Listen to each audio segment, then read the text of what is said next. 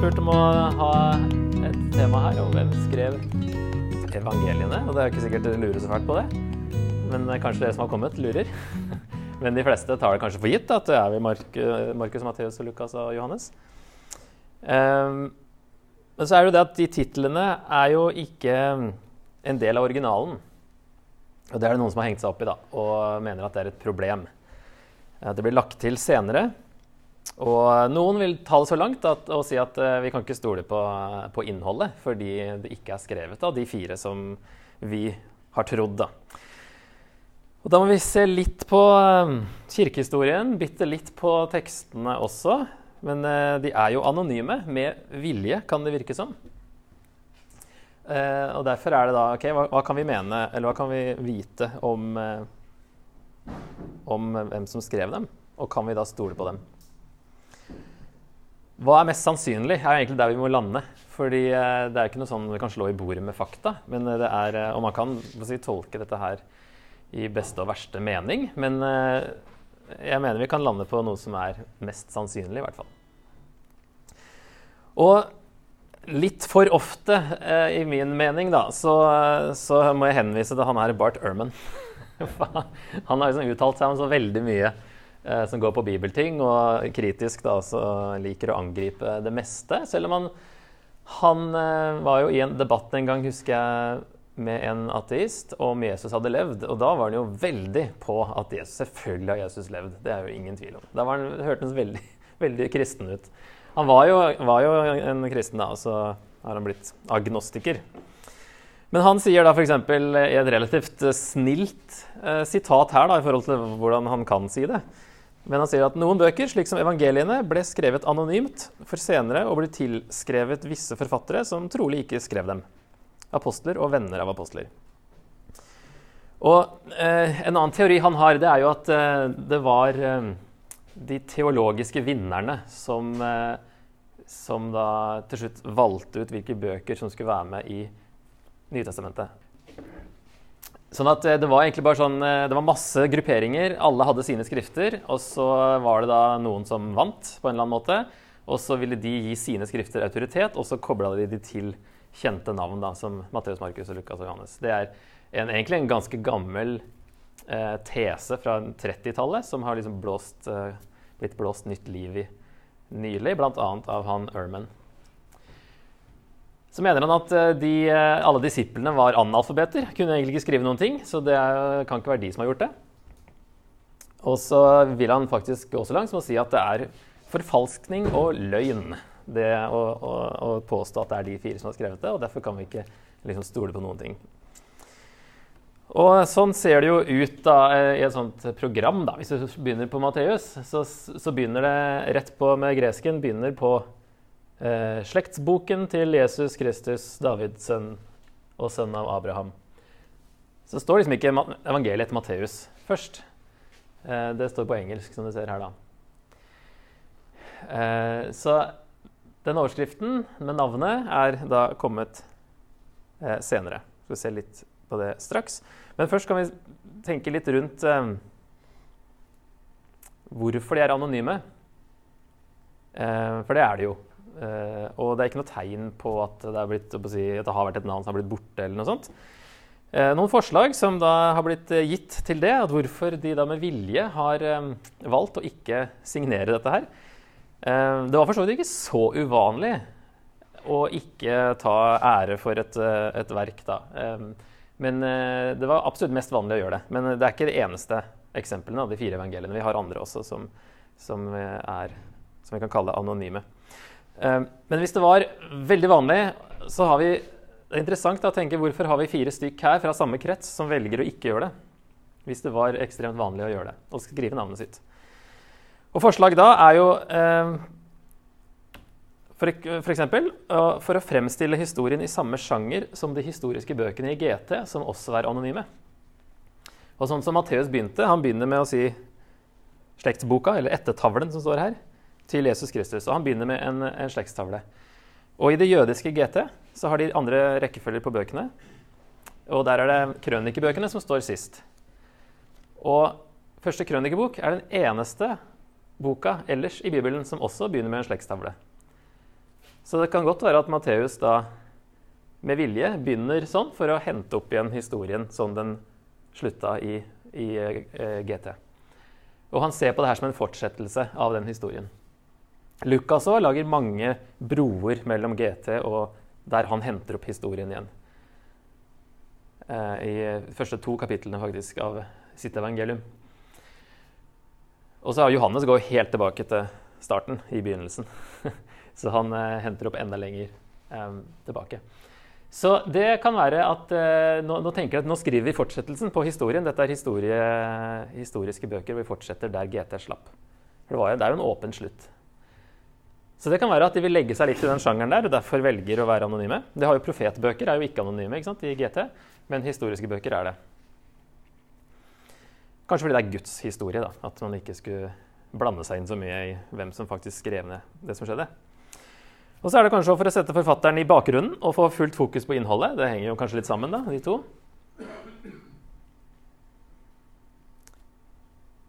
Og så er det kanskje mest av alt at uh, innholdet er ikke forfatterens eget verk, men det er evangeliet som Jesus forkynte, og ingen forfatter kan påstå å ha funnet opp dette.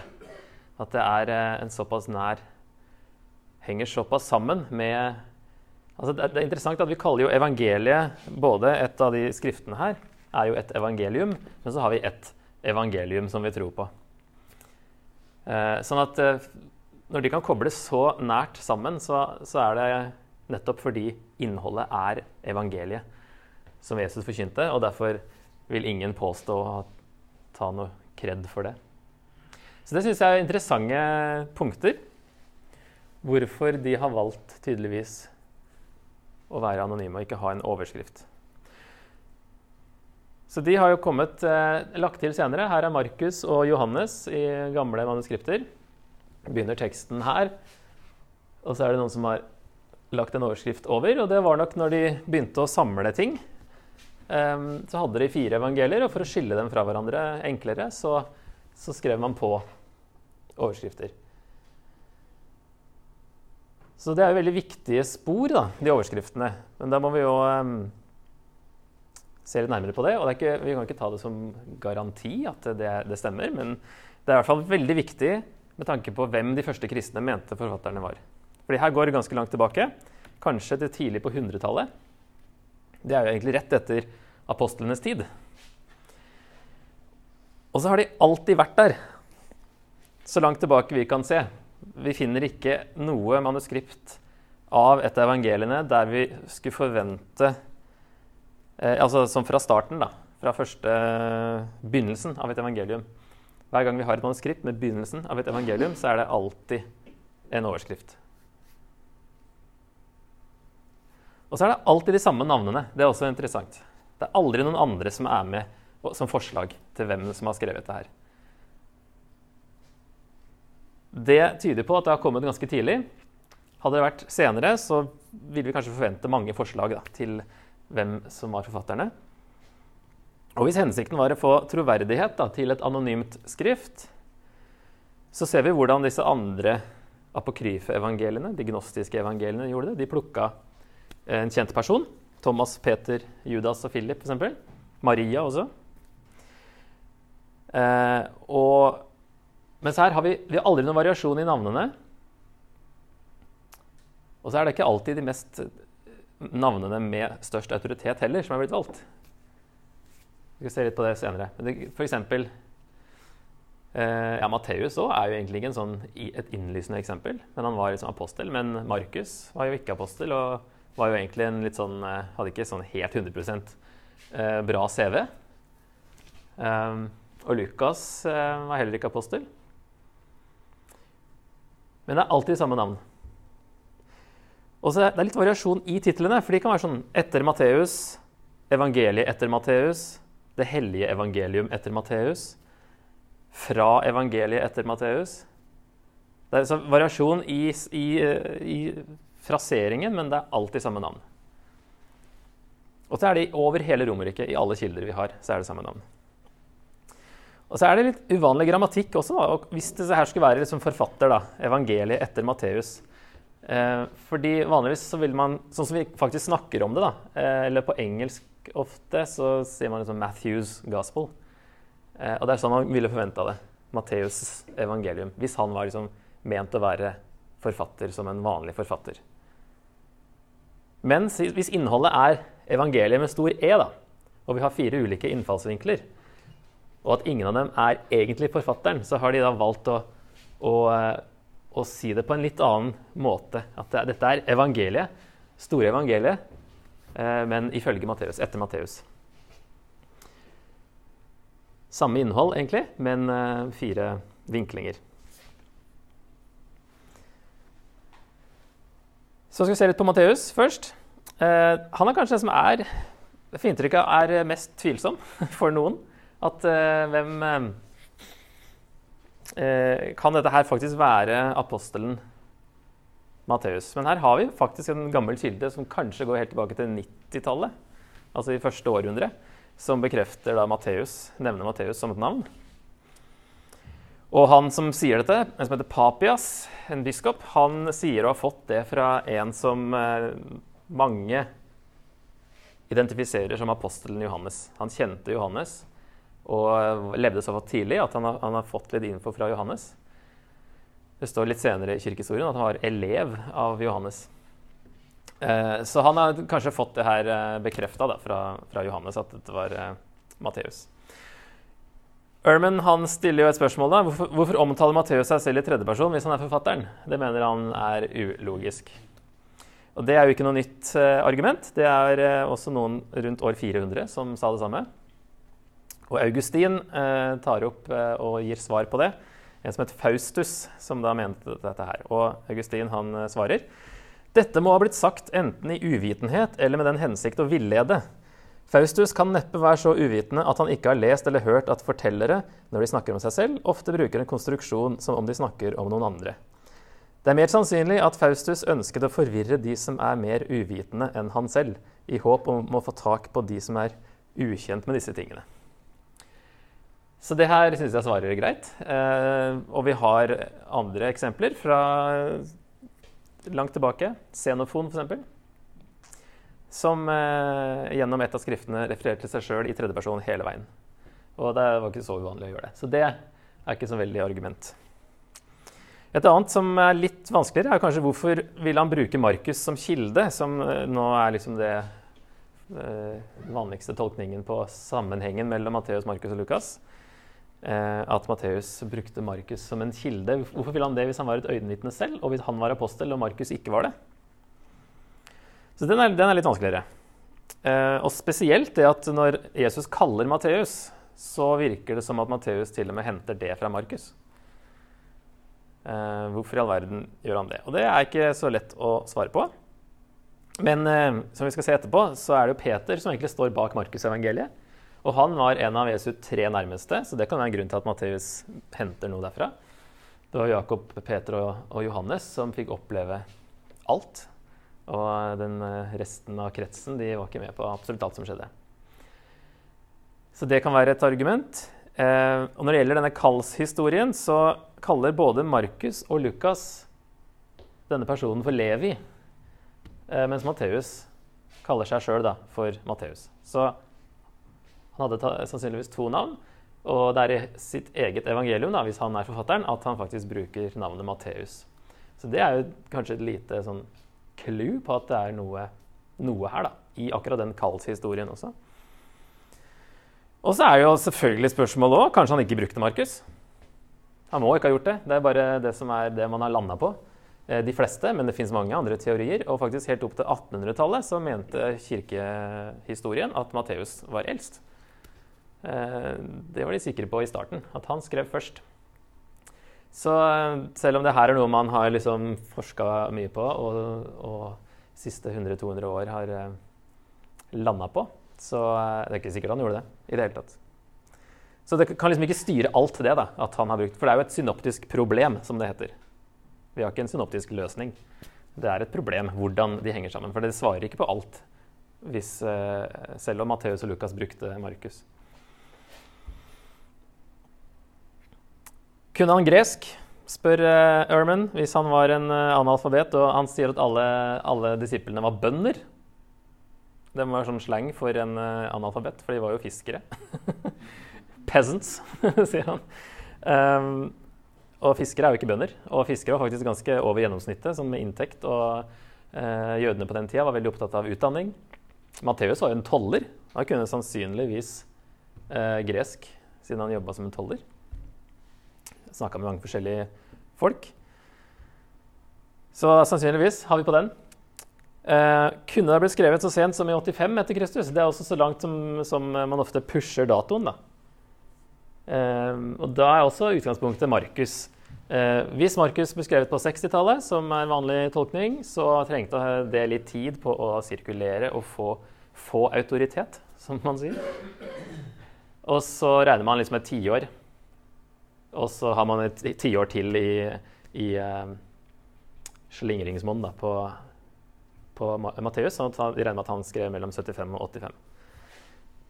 Um, eh, så hvis det stemmer, så er det ikke noe som tyder på Jeg tror ikke vi har noe, noe dato eller årstall for, eh, fra, altså fra kirkehistorien på når Matteus døde. Så det er godt mulig at han kunne leve så lenge. Eh, men igjen så er det ikke sikkert han bruker Markus. Og så er det ikke sikkert at Markus trengte så lang tid på å få autoritet. Og da kan det være at Matteus er skrevet før år 70, det også. Og det vil forklare hvorfor han eh, ikke nevner at tempelet er blitt ødelagt. Det ble ødelagt i år 70 av romerne. Og Matteus er veldig opptatt av oppfyllelser, og fra GT henter opp veldig mye. Dette så profeten har sagt av det da. Eh, Jesus sa jo at tempelet skulle bli ødelagt. Hvis det hadde skjedd, så forventa at, at Matteus ville trekke fram det også. Da. Så da vil det da falle litt på plass hvorfor han ikke gjør det, hvis eh, Markus ikke trengte å bli, bruke ti, lang tid på å bli eh, anerkjent, og hvis Matteus ikke brukte Markus. Så det er ting som styrer disse tolkningene, da, som dere ser og dateringer og sånt. Eh, og hvis det ikke er Matteus, da eh, Hvorfor som sagt velge seg Matteus? Han, han, nevnes nesten ikke utenfor denne kallshistorien og i listene med apostler. Han gjør liksom ikke noe ut av seg. Eh, Jakob eller Andreas ville vært kanskje mer sannsynlig å si, en som hadde mer autoritet, hvis det var poenget. Da, å gi et anonymt skrift autoritet. Eller Philip eller Thomas. og Det ser jo de gnostikerne gjorde. De apokryfe evangeliene. Plukka jo sånne store navn.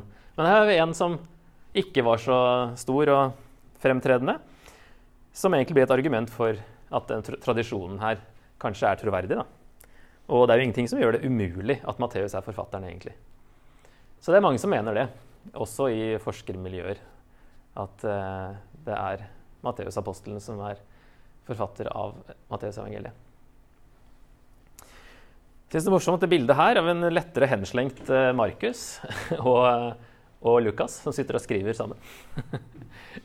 Så um, Markus er neste vi skal se på. Det er han her til venstre, regner jeg med. Det er vel løva som er ofte koblet sammen med han.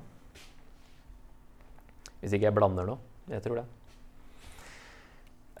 Markus er jo da skrevet av en som tør å kalle det skriftet her for evangeliet. Han åpner jo med å si her begynner evangeliet om Jesus Kristus. Og det er egentlig ganske nytt å gjøre det, fordi det var som sagt budskapet som ble kalt evangeliet. Og her kommer det et skriftlig dokument som hevder å være det samme evangeliet. Det er ganske han, liksom, han, er sikker i sin sak på at det her det er troverdig. Dette er evangeliet. Og han Papias, som jeg nevnte i stad, han eh, som muligens og Det er litt vanskelig å datere når han sa dette her, men eh, kanskje så tidlig som år 90. da. Og så er denne, Den gamle er han som eh, da mange vil mene er apostelen Johannes. Da, han heter i hvert fall Johannes. Og så er det da, Skal det være den gamle som i alder, eller er det den eldste som i rang? Eh, det er litt sånn forskjellig forskjellige tolkninger det. Og så er det et fragment, dette her, så ikke, vi har ikke hele konteksten. Og det er ting som er tvetydige, så må vi ta litt med en klype salt. Men det han sier, er i hvert fall Og dette sa den gamle. Markus var Peters tolk og skrev nøyaktig ned det Peter hadde forkynt, men ikke nødvendigvis i den rekkefølge ting ble talt eller gjort av Vår Herre. Veldig gammel tradisjon på det her, at eh, Han kobler sammen Markus og Peter. Og han snakker om hvordan Markus skrev ned ting. At det ikke var i rekkefølge og sånne ting. Og så sammenligner han med Matteus. Som sagt så er det de, Vi har Markus og Matteus nevnt så tidlig som det her. Og han sammenligner og sier at Matteus skrev på en sånn fin, eh, fremstilt måte. Pet, uh, Markus skrev på en annen måte eh, ut fra hvordan Peter hadde forkynt ting. Så derfor, det, Han prøver å forklare forskjellen i stil da, mellom Matteus og Markus, virker det som. Så poenget er i hvert fall Peter som er hovedkilden. Og um, det her har jo holdt seg veldig i kirkehistorien, denne koblingen mellom Markus og Peter. Og så har vi jo en Markus i Apostelens gjerninger som heter Johannes Markus. Som nevnes også av Peter i 1. Peters brev og av Paulus i tre brev. Så han kjente både Peter og Paulus. Og han var med helt fra starten. Han er med i Apostelens gjerninger 12. Der samles de hjemme hos mora hans. Så han var liksom en, en som var skikkelig innafor i kretsen. Uh, men så er det, han er med på første misjonsreise, men snur. Uh, er vel uh, med på Kypros, og så kommer de inn og skal inn i fastlandet i dagens Tyrkia, og der snur han og drar hjem igjen. Og Det gjør at Paulus ikke vil ha med han på andre misjonsreise, fordi han snudde på første. Så det er ikke sånn obvious valg på en som ville vært autoritet um, hvis man skulle velge seg et navn og knytte dette til. Men han, når han skriver, så er det sånne, sånne, hint man kan eh, finne, da, som i hvert fall mange mener er hint. Det, og det er at han eh, nevner Peter som den første og siste disippelen. Og begge ganger så er det litt ekstra vektlagt. Og at det her var en praksis for å henvise til kilden. Og det kalles en inclusio, altså en inkludering. Du, du starter og slutter med det samme, og det, det er liksom et poeng, da. Så i den første, i 1.16 så står det en gang han gikk langs Galileasjøen, fikk han se Simon og Andreas, bror til Simon. Da nevnes Simon to ganger, altså Peter.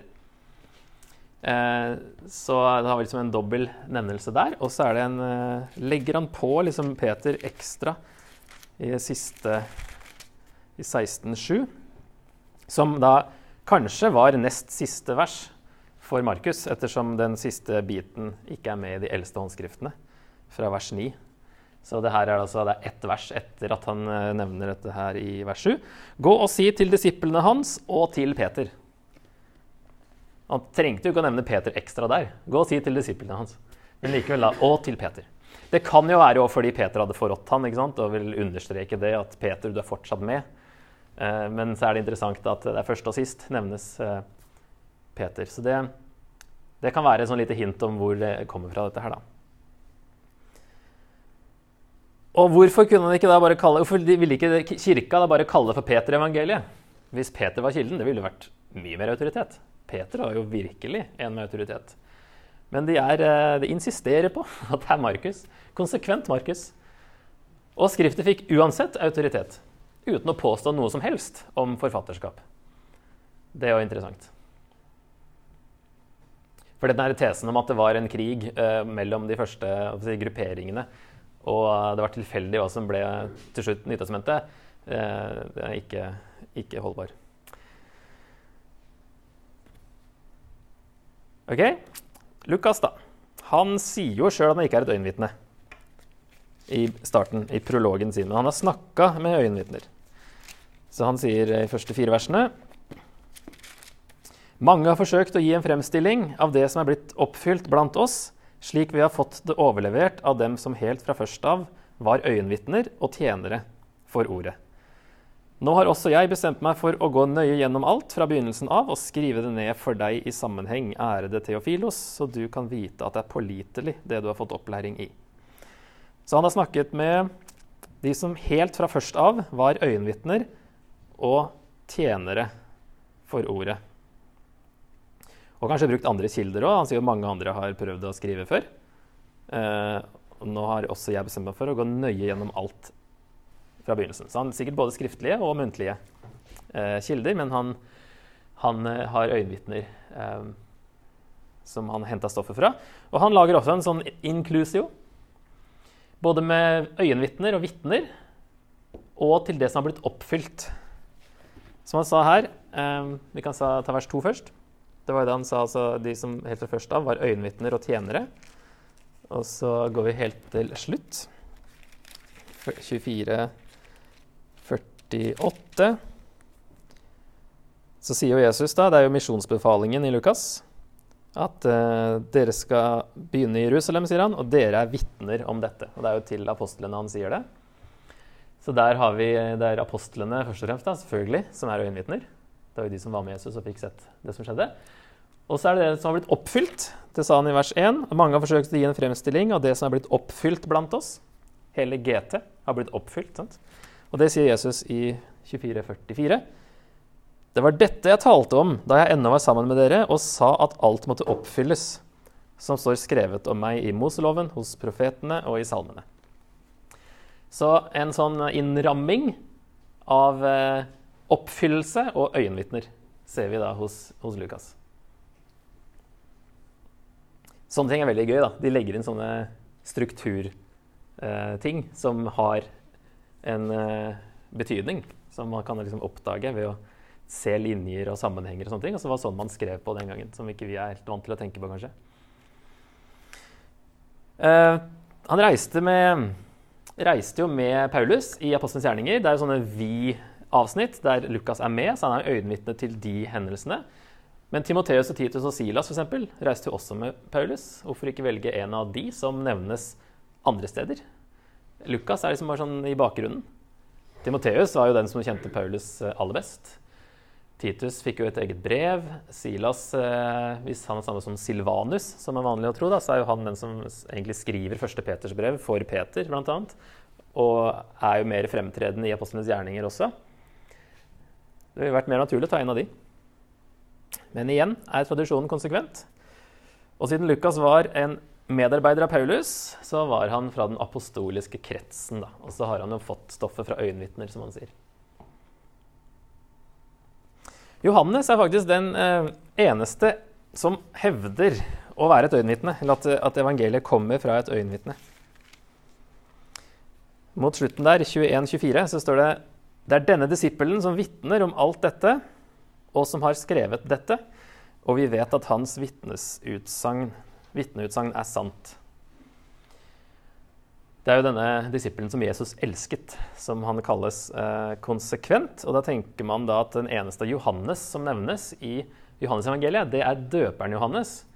Og dermed er da disippelen som Jesus elsket, det kan være apostelen Johannes, men at han, han kaller ikke døperen Johannes for døperen Johannes. Han kaller han bare for Johannes, siden det ikke er noen annen Johannes som nevnes. For uh, han andre Johannes da sannsynligvis er uh, kalt ved et annet uttrykk her. Og så har vi igjen da gammel uh, en annen som kjente Johannes som et Polikarp. Som Ireneus, en av de store kirkefedrene, var elev av. Så Ireneus han er da egentlig to ledd bare unna Johannes, og han skriver rundt år 180 at dette her var apostelen Johannes, denne disippelen som Jesus elsket. Nå er det jo mulig at vi her um, er noen andre. Vi vet at hans vitneutsagn er sant. Det kan jo være noen andre som skriver ned det Johannes sa, som kilde. Men det er jo absolutt innholdet apostolisk likevel. da. Ellers er det at eh, Johannes skriver og tar med resten av kretsen som vi. Ikke sant? Det er mange forskjellige tolkninger av hvem vi er. Det trenger ikke å være bokstavelig en annen gruppe, men at Johannes eh, taler på vegne av alle apostler og hele den kretsen der, at vi vet og vi, vi er enige om at det her eh, er sant. Så konklusjonen min da, etter alt det her, det er jo at vi har liten grunn til å tvile på overskriftene til evangeliene, og dermed liten grunn til å tvile på forfatterskapet av disse bøkene. Bevismaterialet antyder fortsatt at de mest sannsynlige forfatterne er Matteus, Markus, Lukas og Johannes. Så hva har det å si for troverdigheten? Så er jo ikke det viktigste at forfatteren selv var en apostel, men at innholdet er apostolisk. Det var det eneste som ble gitt autoritet av de første kristne. Det var at det måtte komme fra den apostoliske kretsen. Så Markus og Lukas er jo ikke apostler. Eh, Hebreerbrevet er også anonymt og henviser til eh, Det høres ikke ut som, som et øyenvitne sjøl, eller det er jo ofte knytta sammen med Paulus på et vis, men at han kanskje ikke skrev det, men eh, det kom fra en Paulus-krets, for han kjenner Timoteus bl.a. Men han sier i Hebreerne 2,3 at denne frelsen ble først forkynt av Herren og siden stadfestet for oss av dem som hadde hørt ham. Så da kjenner han apostlene, i hvert fall. Eh, og det, også, det var greit. Det måtte ikke være apostel. Men vi ser at Markus eh, får det fra Peter, Lukas får eh, fra øyenvitner og fra Paulus. Um, så de var liksom i den kretsen, og det det. Det måtte være apostolisk. Men så om det er noen andre enn de fire, så er det likevel eh, fra den kretsen, da. Om det, om det, skulle vise seg at det ikke er akkurat de eh, navnene som vi har. Men det tviler jeg på. Kirkehistorien viser at innholdet av våre fire evangelier var apostolisk, siden Kirken aksepterte dem raskt og aldri stilte spørsmålstegn ved dem. Det var aldri noen sånn debatt rundt evangeliene. De var alltid eh, med helt fra starten. Så det er eh, Da Vinci-kodestyret med masse evangelier, og de plukka ut fire. Bare tull. Vi kan stole på at evangeliene inneholder øyenvitneoverleveringen som ble gitt av Jesu apostler. Derfor er evangeliene de beste kildene om Jesus. Det var det, egentlig. Er det noen som har noen uh, spørsmål til dette? noen flere spørsmål om, uh, som er vanskelig å svare på? Ja, ja jeg bare lurer litt på om du Altså Grunnen til at man ikke sin egen autoritet, at det kan ligge litt i den evangeliske tradisjonen med at vi, vi viser ikke hvor mye vi gir i kollektbøssen. altså det er et poeng i å ikke på en måte henvise til seg sjøl. Mm. Uh, man er liksom uh, Styrken er i vår skrøpelighet osv. Og ser sånn som i apostelgjerningen når Peter og de helbreder noen, uh, og så begynner de skal bli tilbedt. Sant? Ja, ja. Som, mm. liksom helt amok, liksom. Sant? Mm. Helt uakseptabelt å sønderrive sine klær. Og, og, liksom Det er jo ikke oss det handler om. Det er ikke oss som er poenget. Mm. Eh, at kanskje det er et poeng òg for ja. de, og ikke henvise til seg sjøl som en autoritet. Absolutt. Eh, ja, og grunnen til at Det er ikke vanskelig å liksom slå fast vitenskapelig, men det gir jo mening for oss som på en mm. måte kjenner evangeliene og kjenner Gud. sant? Ja. At Apostlene kjente jo òg Gud. Mm. De gikk jo inn i den tradisjonen. Mm. Ja. Jeg er enig. Takk. Takk for det. Og grunnen til at Paulus har navn på alt, er jo fordi han skriver brev. Og da var det jo en annen måte å gjøre det på enn å skrive et historieverk. Ja, og så var det jo nettopp det at innholdet ble trukket i tvil. Mm. Og da sier han jo ja. han, han, sier jo nettopp det til korinterne at ja vel, da skal jeg òg være en sånn dåre, da. Da får mm. være så dum, da. Jeg er og sånn og sånn. Mm. Men altså, dette, nå snakker jeg som en dåre. Han presiserer jo det når ja. han må begynne å legge fram skrytelisten sin. Ja. ja.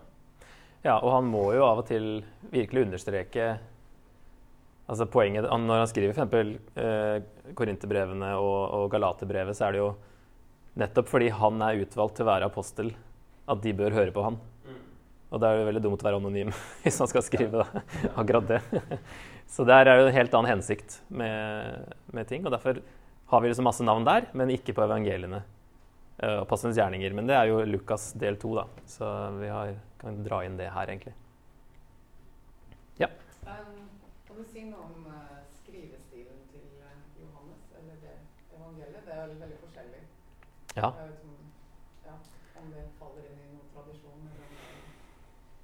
Nei, jeg tror Altså, jeg har vel bare skjønt at han skriver på sin egen måte, ja. Og når man studerer gresk, så man glad, blir glad i Johannes, for han skriver mye enklere enn f.eks. Lukas, som er veldig komplisert.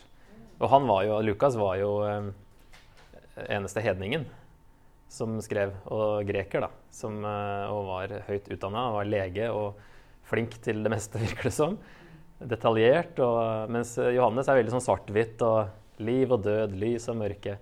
Og skriver liksom sirkler om det samme, og, i hvert fall i første Johannesbrev. og Johannes' åpenbaring òg er veldig enkel gresk sånn sett, så han eh, Det er koselig med Johannes. Hebreerbrevet er veldig komplisert. Og første Peter òg, egentlig. Hvis det var Silvanus da, som var forfatter, som det står, så er det jo liksom eh, Dette er mye mer komplisert enn andre Peter, der Peter kanskje skrev sjøl. Så du ser det litt sånn eh, hvem som har skrevet, at det er forskjellig stil på det. Så jeg vet ikke om han faller inn i noen bestemt tradisjon, men at han har i hvert fall Det er vel noe at han eh, Han bruker vel ordet eh, Hva var det eksempelet igjen, da? Ordet 'og' på gresk eh, bruker Johannes som om han skriver hebraisk. At det er egentlig litt forskjellig på gresk. Men at han bruker det Du kan se det skinner litt igjennom der, da, at han er en jøde som skriver gresk. En forskjell fra, fra Lukas, f.eks. Ja, bak der var det en hånd først. Kan du si noe om fatterskapet til? Det evangeliet. Ja. Det. Eh, ja, vi har for så vidt det. Til klokka 11, nei. ja, eh, kan ikke si så mye. Ingen kan vite noe som helst der, egentlig. Bortsett fra at det ble jo Altså, det var litt I, starten så var det litt eh, Det var vel Vestkirken som var litt skeptisk, fordi de ikke visste hvem det var. Østkirka hadde ikke noe problem med det, fordi de knytta det til Paulus-kretsen. Og så etter hvert så ble Vestkirken liksom overbevist, da. Det var ikke sånn at de avviste det, men de var litt sånn tilbakeholdne.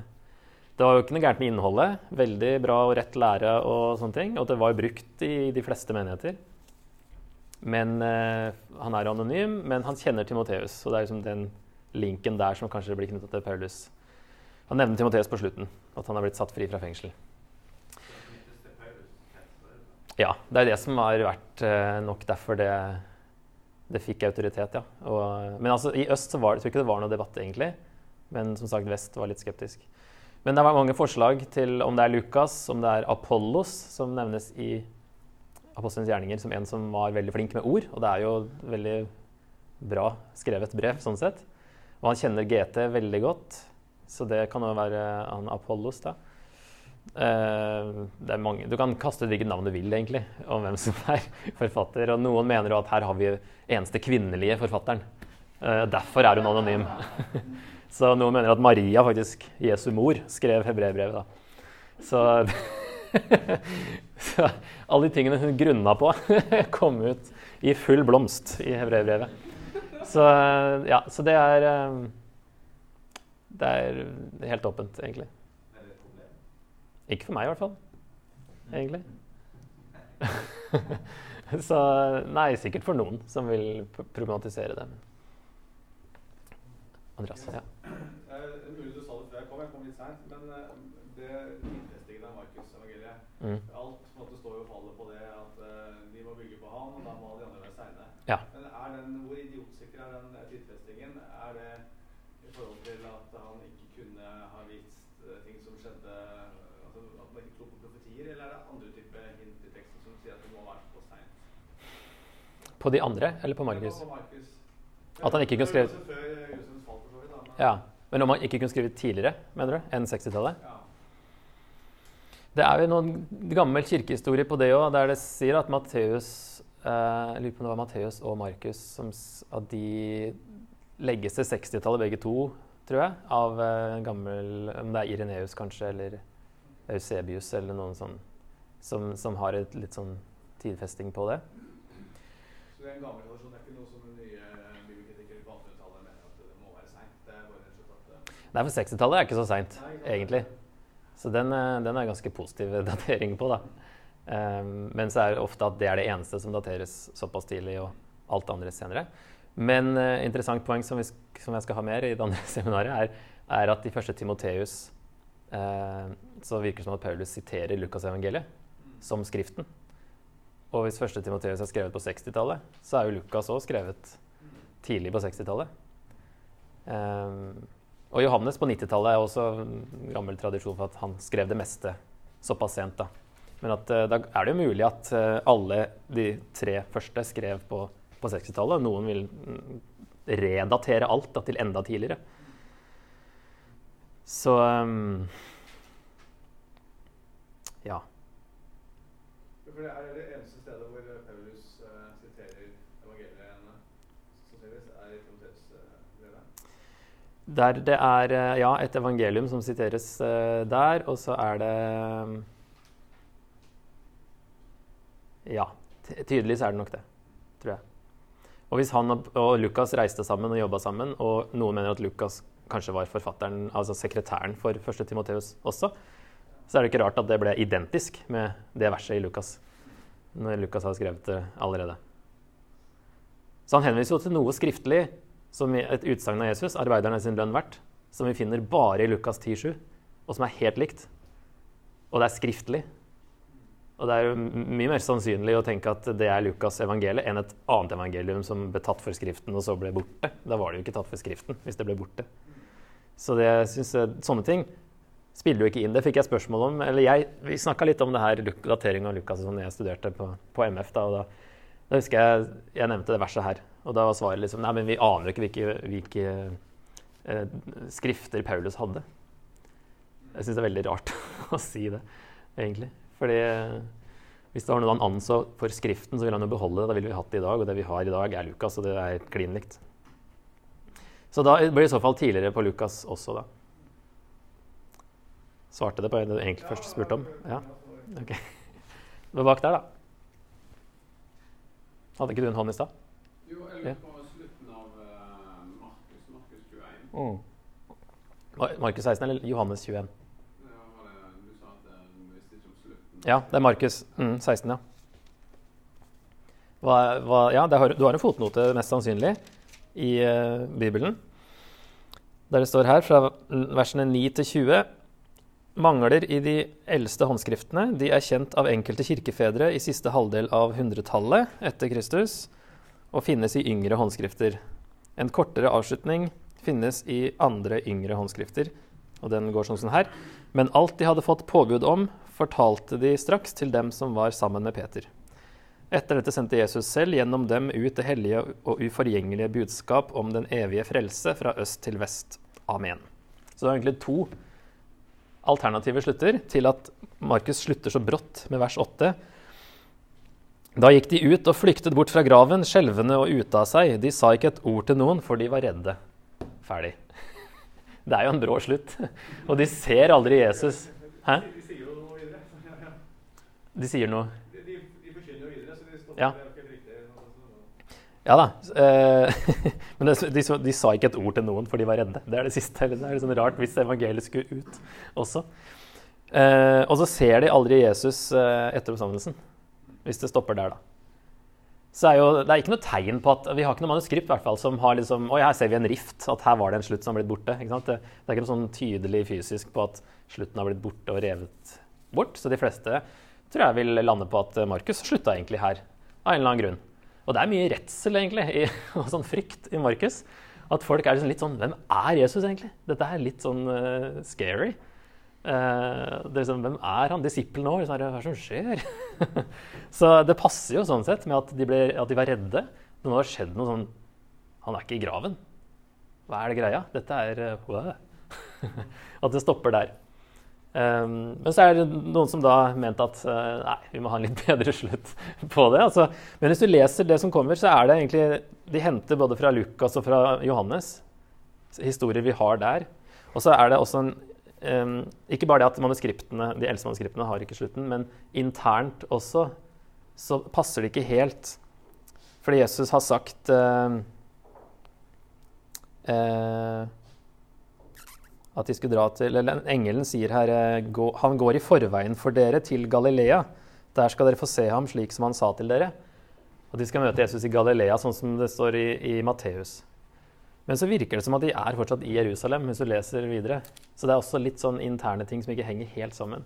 Som er et annet kanskje tegn på at det ikke var originalt. da. Um, men det er jo ikke noe hemmelighet. Det, det har som regel vært med uh, i bibeloversettelser. Det er sjelden det står hele det avsnittet i fotnotene. Det blir en ganske lang fotnote uansett, så du kan like godt sette det i teksten. Um, men, uh, så det er ikke noe sånn at uh, det her er noe som vi prøver å holde hemmelig i hele tatt. Det er bare sånn manuskriptene er. Og, og, og så får du litt sånn Hvis du dykker inn i gresken, da, så er liksom Markus generelt er veldig sånn Kall det upolert gresk. Og det er av og til det, Matteus og Lukas da glatter over litt, eller sånn forklarer litt sånn Å ja, det er det Markus mente. Det hørtes ikke sånn ut der. Men uh, mye bedre formulert da, i Matteus og Lukas. Det er liksom litt sånn røft Mens den slutten her er mye mer polert i språket. Så det være liksom både språklig og så virker det som en annen har skrevet det. Så var det Det kom jeg over her når jeg drev og forberedte meg, at eh, Hva het han, da? Ariston eller noe sånt? En som jeg aldri har hørt om. Som eh, Jeg tror det var han Papias som nevnte han òg, faktisk, sammen med Johannes. At, og det var han som liksom gikk for å ha skrevet den slutten her. Eh, sto det da i en gammel eh, Eller at det var en gammel tolkning. Da. Jeg vet ikke hvor gammel selve tolkningen var, men at de ganske tidlig hadde et navn på det òg. Hvem som hadde lagt til slutten. Så, og hvis han nå var for så vidt fra en, en apostolisk krets, så er det egentlig ikke noe ulovlig i det heller, da. Men eh, sannsynligvis ikke Markus sjøl, i hvert fall. Hvor, hvor gammelt er disse, dette tillegget da, i så fall? Det Hva er det sto i slutten av 100-tallet? At vi i hvert fall har kirkefedre som kjenner til det, da. Men han Ariston, hvis det var det han het, så var jo det 100 år før det. Altså, eller tidlig 100-tallet, da. At han i hvert fall levde. Men de manuskriptene vi har i dag, som ikke har det med, de er jo seine. Så de aksepterte tydeligvis ikke Aristons tillegg, da. Nei, så det er ikke sikkert det var så tidlig. Eh, som han, hans levetid, nei. Så eh, nei, det er ikke med i de, de eldste fra 200- og, og 300-tallet. Eh, manuskriptene, nei. Vet du hva som er det eldste vi har funnet mot de fysiske manuskriptene vi har til evangeliene? Vi har en bitte liten bit av Johannes. Det er det eldste vi har så langt. Ja, når er det fra da? Det er fra 125, tror jeg det dateres til. De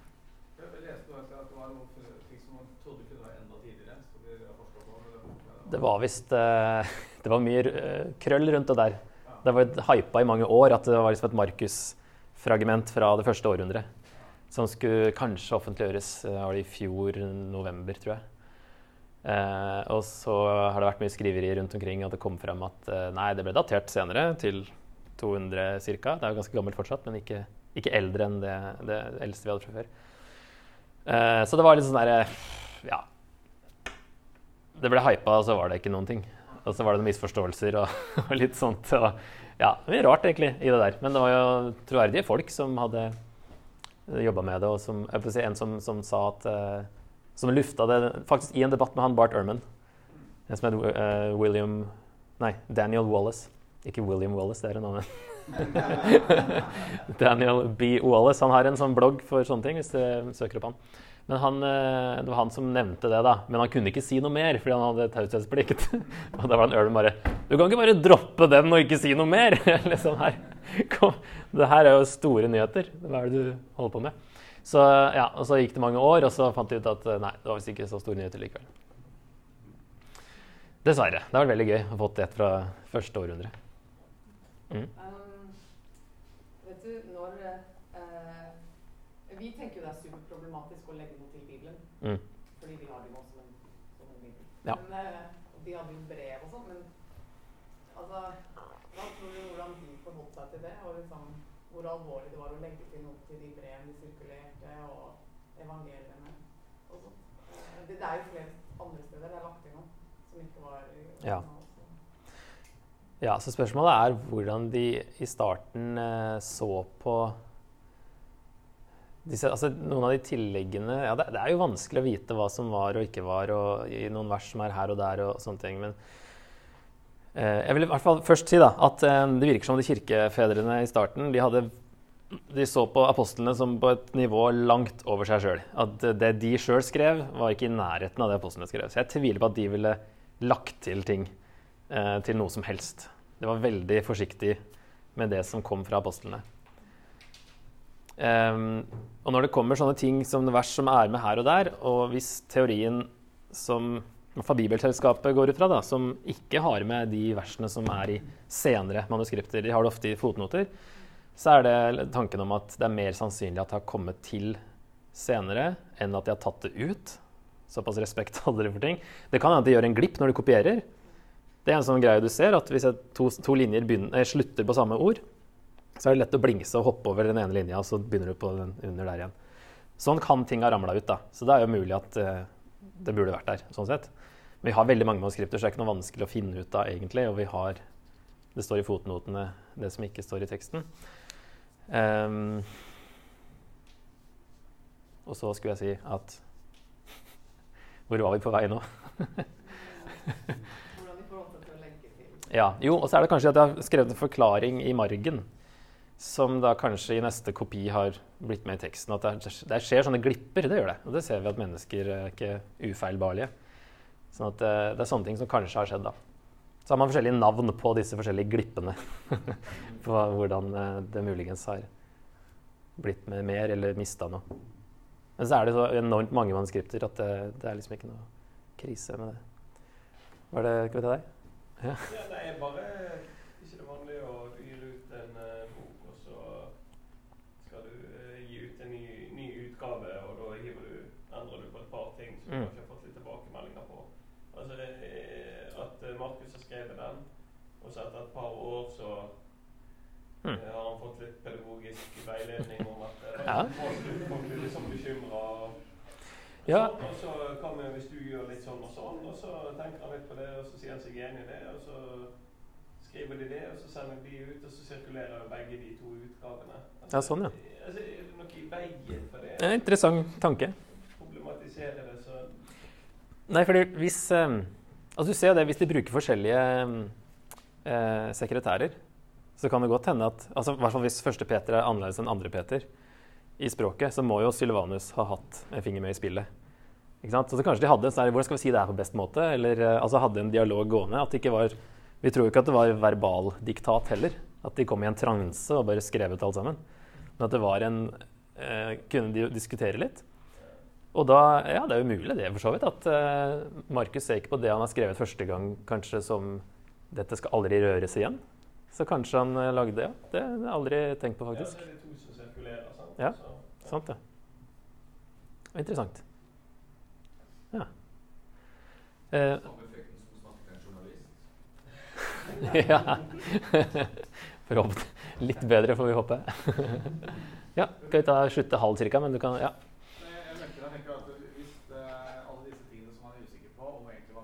er. Mm. På teologien i det, Ja. og det ikke er noe kontroversielt Det er sant. så er det ofte som faller litt av problemet Ja, ja. bort. tenker jeg. Altså det, er- Ja. det er hvis det er så viktige ting, avgjørende ting i de, at, at det virkelig blir problematisk. Ja. Eh, så skriftens autoritet blir jo ikke svekket av at eh, noen har plussa Mm. lagt det bokstavelig her. Det er jo noe punktum her, hvis, hvis ikke det påvirker eh, innholdet. Ja. Ja, Bra du nevner det. Det er aldri noe viktig som, som berøres når det er forskjeller i manuskriptene. Så det, det er bare detaljer og periferiting. Så kjernen er uansett bevart veldig godt, ja. Tviler på at han ville begynne å skrive om de tingene der, liksom å ta ut eller legge til andre ting. Jeg må spørre om det er litt på siden, kanskje, men eh, muslimene de hevder jo at Bibelen er korrumpert. Hvor har de det fra? Det er jo litt sånn myte som går, da. Sånn ikke bare blant muslimer. Er Ja, det, det, jeg lurer på om det henger sammen med hele den da Vinci-kode-myten også. At det var Det ble bestemt av mennesker hva som skulle være med. Um, og at var, disse menneskene var ikke til å stole på opp gjennom historien og har eh, ba, bare vært ute etter makt og har endra skriftene til sin egen fordel. Da. Det er jo helt historisk håpløst å påstå noe sånt ut fra manuskriptene. Hvis du sammenligner det, så er jo vi kan være helt sikre på at det vi har i dag, ikke har blitt endra. Og om det har blitt endra, så er det mest med sånne glipper. Eller prøve å forklare, faktisk. Det er ikke noen sånn manipulering av tekstene. Men han, Ørmen skrev en bok om det òg, da. At han mente det hadde skjedd. Um, så eh, ved å påstå det, da, at Bibelen ikke er den samme At det vi leser her, ikke er det samme som, eh, som de eldste manuskriptene vi har, Um, det vil jo være å Du kan ikke stole på noen ting annet i så fall fra oldtiden. Hvis, uh, hvis du tar den tolkningen. Så det, det må være at de, de har ikke satt seg inn i historien i det hele tatt, hvis man mener det, da. Eh, Svaret svaret på det at de må jo hevde det. For at Ja.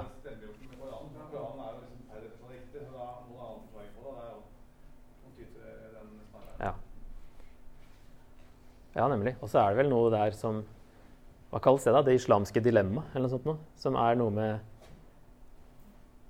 Du må spørre eh, Jon eh, Hoversen om. Men eh, det var noe sånn at det kan være grunnen til at de kritiserer Nytestamentet, er fordi noe i Koranen som spesielt om kanskje Jesus eller noe sånt, som ikke går overens, som de må innta den, ja, som du sier. Ja, for eksempel. Ja, ja nemlig. Ja, sant. Ja, nemlig. Ja. Yes, ja, men eh, Da kan dere få litt pause før neste. Så tusen takk. Det var veldig gøy med bra spørsmål og samtale. Ja.